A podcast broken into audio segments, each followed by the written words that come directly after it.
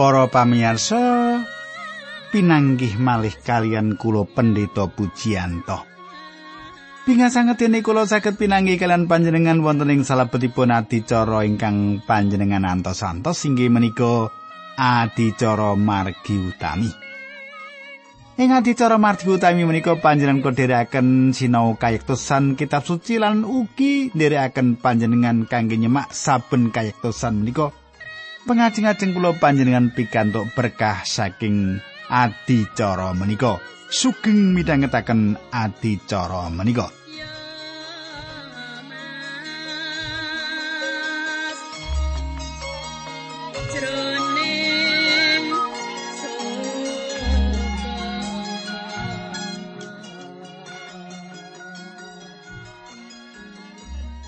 Para pamirsa, kula suwun panjenengan tasih kemutan menapa ingkang kula andharaken duk nalika pepanggihan kepengker.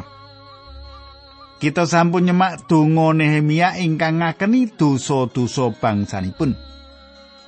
Lan samenika badhe kalajengaken nanging saderengipun menika monggo kita tumungkul kita ndedonga sesarengan.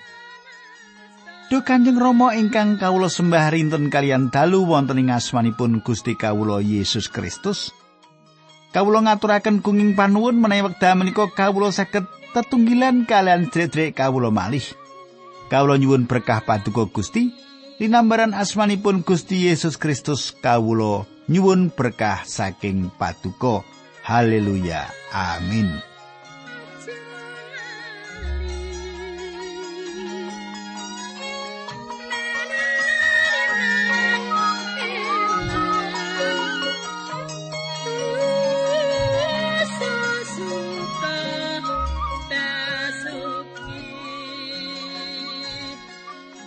Para pamirsa kepengker kita sampun dumugi ayat 6 Nehemia bab setunggal samenika kalajengaken ayat pitu. Kawula sampun sami nyingkur dhateng paduka lan nerak dawuh-dawuh paduka. Para pamirsa, kita saged nyemak saking ayat menika bilih Nehemia kumandel dumateng pangandikanipun Allah.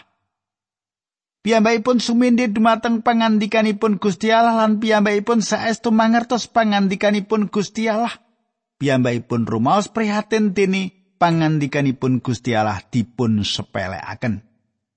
Samenika ayat 8. Dohalah Mugi kersa ngengeti pangandika-pangandika paduka ingkang paduka dawuhaken lantaran Musa bilih samoso kawula umat Israel mboten setya dhateng paduka kawula badhe sami kasebar ing antawisipun bangsa-bangsa sanes.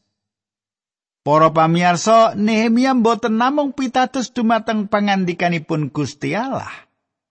Nanging piyambakipun ugi pitados bilih tiang-tiang Yahudi badhe wangsul dhateng Yerusalem. Badhe wangsul dhateng Yerusalem.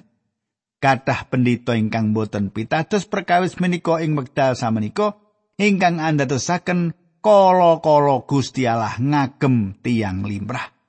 Kayektosanipun Gusti Allah kala-kala saged nembus abdi Gusti nanging ugi dumateng tiang biasa. Kita lajengaken ayat songo. Nanging semoso kawulo sami wangsul malih lan bangun turut dateng paduka. Kawulo ingkang sampun paduka sebar wau badhe paduka klempakaken malih.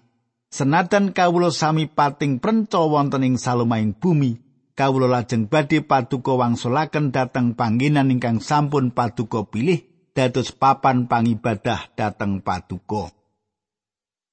Para pamirsa, Nehemia matur dumateng Gusti.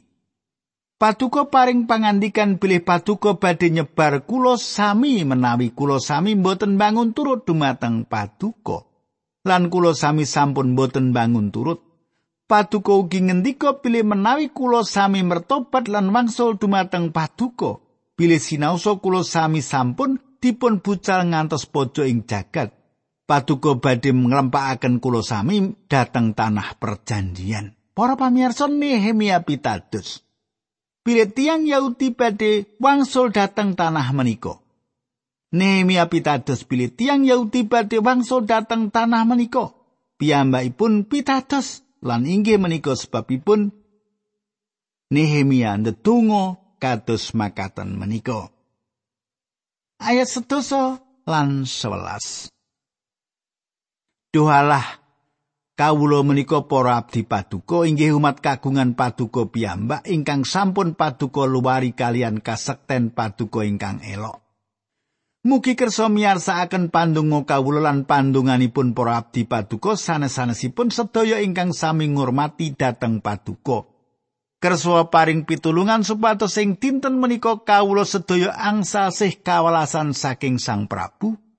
Nalika semono aku dadi pegawe kraton sing ngurusi unjukane Sang Prabu. Para pamirsa, Nehemia rila lan gadah kekajengan dipun agem dening Gusti Allah. Nanging piyambakipun boten ngrumiyini Gusti Allah. Piyambakipun ndongaaken supados dipun agem menika. Nehemia matur, menawi paduka ngersakaken ngagem kula, kula sendika dawuh.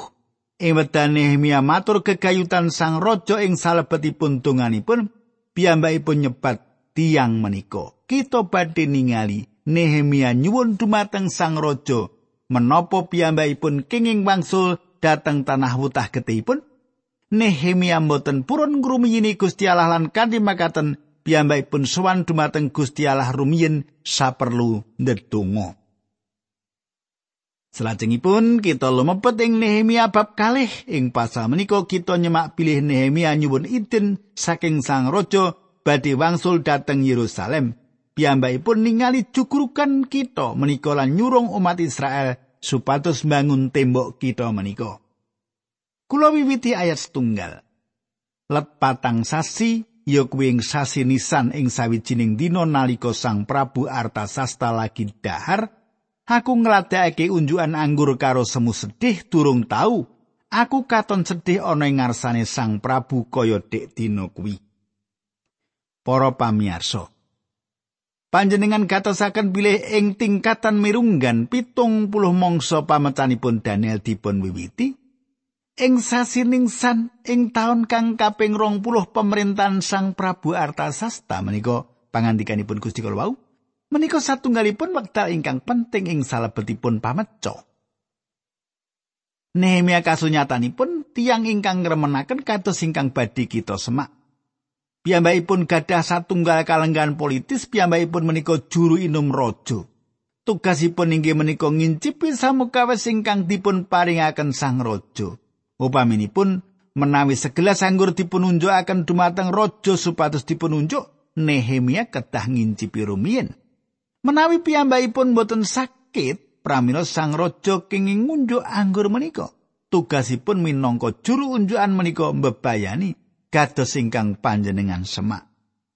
Para pamirsa, tugas dados juru inuman nuntut Nehemia tansah wonten ing ngarsanipun sang raja ing saben wekdal.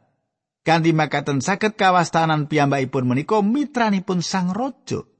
Kula gagas sing wekdal sang raja kedah netepaken putusan saged piyambakipun nyuwun pirsa pemanggihipun sang juru inuman menika. Apa panemumu gegayutan perkara iki? Kanthi makaten sang juru inum badhe gadah tugas dados penasihatipun dados salah satunggal anggota kabinet raja. Saged ugi awit kalenggahanipun Nehemia tetep wonten ing pambucalan kalian kada pengajeng-ajeng pilih ing satunggalipun dinten mangke. Piyambakipun saged ngginakaken kalangganipun nyukani pitulungan dumateng bangsanipun. Saged ugi nggih menika sebabipun piyambakipun tanglet dumateng saderepipun kados pundi kahananipun ing Yerusalem para pamirsa Nehemia nyawisaken badanipun badhe nyuwun dumateng sang raja nanging piyambakipun dereng saestu-estu siap ing dinten ingkang mligi menika piyambakipun rumaos mboten patos sehat. Awit piyambakipun nampi pawartos awon gegayutan tiang Yahudi ing tanah menika, piyambakipun poso, sungkowo, lan ndedonga. Lan mesti kemawon Nehemia mboten ketinggal bahagia. Mboten nate piyambakipun prihatos kados makaten menika saderengipun limrahipun praupanipun ketinggal padang lan kepaesem. Sang raja ngatosaken bilih Nehemia mboten kados limrahipun. Ayat kalih, mulane Sang Prabu ndangu, "Yo gene kowe katon sedih mongko kowe ora lara mesti ana sing kok pikir aku kaget para pamirsa Nehemia mboten emot bilih reraosanipun ketingal saking tata lahiripun. Piyambakipun sampun budidaya supados saged nyingetaken reraosanipun menika, nanging ketingalipun piyambakipun mboten saged dados sang raja lajeng dangu dumateng Nehemia, "Kenapa kowe katon sedih? Monggo kowe ora lara, mesti ana sing kok pikir ana perkara kang nyedihake atimu. Coba aturno perkaramu mireng pandangunipun sang raja." Nehemia dados ajrih. Samenika ayat 3. Nuli matur Sang Prabu mugi sugeng ing salaminipun kados pundi anggen kawula mboten sedih menawi kuburanipun para leluhur kawula samenika kebak gempuran lan kori-korinipun gapuranipun sami kabesmi. Para pamirsa, Nehemia matur Sang Prabu mugi sugeng ing salaminipun. Tiang ingkang dados juru inuman saged meratelaken perkawis menika awet piyambakipun ngincepi menapa ingkang badhe dipun dar sang raja. Piyambakipun gadah pengajeng-ajeng sang raja tetep wonten ing kahanan sehat lan Nehemia ugi gadah pengajeng-ajeng ingkang kados makaten. Salajengipun piyambakipun nglairaken menapa ingkang dados sisaing manahipun. Kados pundi anggen kawula mboten sedih menawi kuburanipun para luhur kawula samenika kebak gempuran lan kori-korinipun gapuranipun sami kabesmi. Samenika kita lanjutaken ayat sekawan pandangune Sang Prabu dadi karepmu kepriye? Ing sadroning ati aku ndedonga marang Allah ratuning swarga. Para pamirsa menika satunggalipun ayat kawitan ing salebetipun kitab menika ing pundi tembung maka. Kitab suci basa Indonesia makaten nggih wonten tembung maka. dipun pocapaken nanging tembung menika badhe kapanggihaken ngantos kaping tigang dosa kali. Nehemia ngginakaken tembung menika dados dalan sidatan tinimbang muter-muter ngginakaken tembung ingkang bulet-bulet kathah kembanganipun ingkang boten wonten tegesipun. Panjenengan semak bilih Nehemia matur langsung ing perkawisipun. Piyambakipun boten muter-muter utawi belat-belit. Nehemia matur, "Mila kula ndedonga dumateng Gusti Allah ratuning kasuwargan." langsung ing ngarsanipun sang raja. Sang raja ngandikan dumateng Nehemia dadi karepmu kepriye? Ing mriki Nehemia nyuwun langsung dumateng Gusti Allah kasuwargan. Donga menika satunggalipun donga ingkang cekak lan kepiringipun kados makaten Do Gusti tulung kula nglairaken tembung-tembung ingkang pas. Samenika kula wonten kalenggahan ingkang gawat Para pamirsa kita lajengaken ayat gangsal. Banjur matur marang Sang Prabu mengkene menawi Sang Prabu danganing penggalih lan marangaken mugi kersa ngutus kawula dhateng tanah Yehuda bangun kita menika lan pesareanipun para leluhur kawula.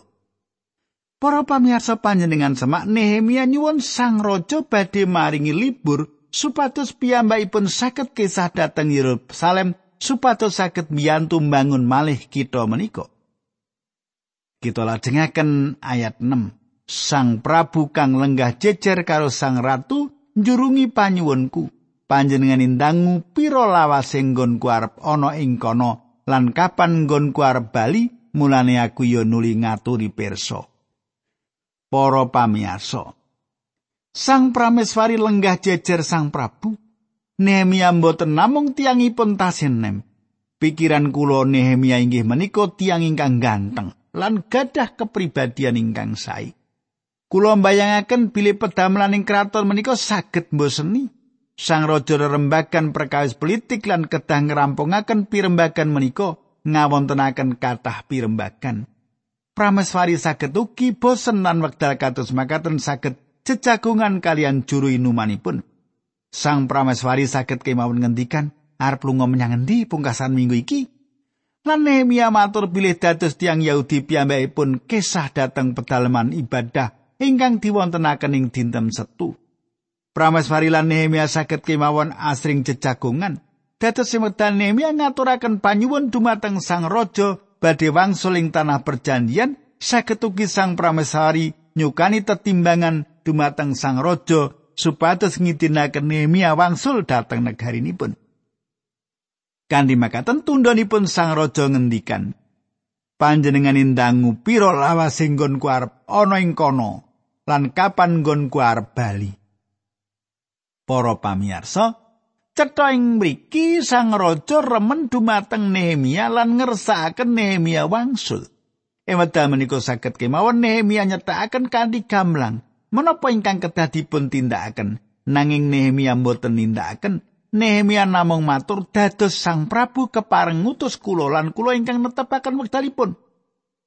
Para pamirsa. Wonten kathah pratela ingkang ngloho tanpa gina ing jaman samenika. Kathah tiyang ingkang celatu mubeng-mubeng langkung rumiyin saderengipun meratelaken perkawis ingkang sayektosipun. Tiang-tiang menika ginakaken kathah tembung ingkang kekathahan. Nehemia mboten kados makaten. piyambakipun langsung matur menapa ingkang dados pokok perkawisipun. Ayat pitu. Aku banjur nyuwun layang kanggo para gubernur ing provinsi Efrat supaya nyepetake lakuku tekan Yehuda. Para pamirsa, Nehemia ngrumaosi bilih anggenipun mlampah dhateng tanah menika nglangkungi daerah ingkang bebayani. Kali makaten piyambakipun nyuwun serat kangge mlampah dumateng Sang Raja ingkang nyetakaken dumateng para abdi ingkang dipun langkungi kanthi makaten serat menika saged ngayomi piyambakipun ing samargi-margi. Ayat 8. Kejaba kuwi aku ya nyuwun layang kanggo asap, pegawe sing ngurusi alas wilayah kraton supaya nyawisake kayu kanggo gapurane beteng sing ngayomi pedalemane Allah. Lan kanggo temboke kutha sarta omah sing arep ndak enggoni kabeh sing ndak suwun diparengake dening Sang Prabu merga Allah mitulungi aku. Para pamirsa, samenika Nehemia pitados dumateng Gusti nanging minangka pejabat pemerintahan piyambakipun boten kawratan nyuwun bantuan resmi dumateng Sang Raja lan pangayoman wonten ing anggenipun tumuju dhateng tanahipun menika. Ayat songo. Aku banjur budal menyang tanah Efrat kulon bebarengan karo perwira tentara jaranan sawetara sing awal aku tekan kono layangi sang Prabu ndak aturake marang gubernur. Para pamirsa. Ketingalipun kados-kados sepalih prajurit Persia nyarengi anggenipun Nehemia lumampah dateng tanah perjanjian. Gusti alam bikak manahipun sang raja kangge ngayomi Nehemia lan piyambakipun mangertos bilih astanipun Gusti Allah mayungi Nehemia. Ing lampahipun dateng tanah perjanjian dipun ayomi sawetahipun. Panjenengan kemutan bilih ing wekdal Esra nyuwun dumateng raja idin kangge wangsul dateng tanah perjanjian, piyambakipun nyuwun pengayoman saking sang raja. Nanging piyambakipun wasis sangat matur dumateng sang raja kados pundi Gusti Allah anggenipun jangkung piyambakipun lan mimpin piyambakipun kanthi makaten piyambakipun ewuh nyuwun pangayoman. Piyambakipun ajrih menawi sang raja badhe ngendikan, "Rak kowe kumandel marang Gusti Allahmu to?" Nanging Nehemia rumaos bilih piyambakipun gadah hak nyuwun pangayoman awit piyambakipun menika pejabat pemerintah. Para pamirsa. Gusti Allah mboten badhe mimpin kita kados makaten menika. Panjenenganipun mimpin Esra lumantar cara mligi lan panjenenganipun mimpin Nehemia kanthi cara ingkang sanes malih. Gusti Allah badhe mimpin panjenengan lumantar margi mligi lan Gusti Allah badhe mimpin kula kanthi cara ingkang sanes malih. Kulo nate mbudidaya niru juru khotbah ingkang hasil lan ngidapi-dapi ing satunggalipun dinten wonten tiang sanjang makaten. Pak Puji, kulo kepengin deleng panjenengan ingkang asli mboten nilu tiang sanes. Ngaten nggih. Inggih menika ingkang dipun sanjangaken tiang menika. Wiwit wedal menika kula mboten malih budidaya niru tiang sanes. Cara Gusti Allah mimpin saben tiang menika benten-benten. Esra wangsul maling tanah menika tanpa dipun sengkuyung menapa kemawon. Nehemia wangsul ing tanah menika kanthi pengayoman sepalih gunggungipun prajurit Persia. Gusti Allah badhe ginakaken kekalih-kalihipun. Ayat sedoso. Nanging bareng Sanbalat wong Bet Horon lan Tobia wong Amon padha krungu yen tekaku kanggo kepentingane bangsa Israel, padha mangkel atine. Para pamirsa ing wedal Nehemia ngantos dumugi tujuanipun sampun wonten tiang-tiang ingkang mengsaying mriku wonten tiga tiang ingkang badhe kita panggihi. Sanbalat tiang Horon, Tobia tiang Amon, Gesem tiang Arab ingkang badhe kita semak mangke. Tiang tiga menika dados mengsah-mengsah Allah lan umat kagunganipun. Tiang tiga menika mbudidaya mambengi pembangunan pedalaman Allah lan samenika tiang tiga menika gadah kekajengan mambengi pembangunan tembok kita. Ing wekdal Nehemia dateng kinanti para abdi lan prajurit kang ngedapi-dapi saben tiang mireng pawartos menika. Tiang-tiang gadah kekajengan mangertos sinten to Nehemia menika? Tiang-tiang kalawa dipun sukani mangertos bilih Nehemia menika. Juru inuman rojo Persia lan piyambakipun dumugi kangge nyukani pitulungan dumateng tiang Yahudi. Ing wedal pawartos menika sumebar mengsah dados sedih tiang-tiang kalawau mboten remen. Para pamirsa sanget dados kawigatosan ningali kados pundi pawartos menika dipun tampi. Limrahipun perkawis menika gumantung sinten panjenengan? Menapa pawartos menika sae utahi awon Injil sanes kabar sae kangge mengsah-mengsahipun saestunipun Injil inggih menika kabar sae sanes kabar awon. Para pamirsa kula lajengaken ayat 11 Aku nerusake lakuku nganti tekan Yerusalem banjur ngaso telung dino Para pamirsa Ing salebetipun ayat menika kita nyerat tembung ing basa Indonesia wonten tembung maka sinau sing basa Jawa mboten ketinggal Ing wekdal menika Nehemia saged kemawon nyerat kalih utawi tiga pasal kekayutan anggenipun lumampah dhateng Yerusalem lan pengalaman ingkang ngedek-edek ingkang dipun lampahi. Panji langkung saya piyambakipun sanjang ingkang sederhana mula aku tekan Yerusalem. Panjenengan katosaken saben wekdal piyambakipun ginakaken tembung maka ketinggal ing basa Indonesia nggih piyambakipun nugel anggenipun ginakaken kathah tembung. Ayat 12. Nalika semono durung ana wong sing ndak kandhani wangsit sing diparingake dening Allah ana ing atiku bab bangun kutha Yerusalem. Esuk isih bengi aku wis tangi banjur ngajak kanca sawetara metu saka kutha kejaba kulti sing ndak tunggangi aku padha ranggawa tunggangan liyane. Para pamirsa, sesampunipun dumugi ing Yerusalem Nehemia mboten purun nandadosaken kaget ingkang sakalangkung-langkung.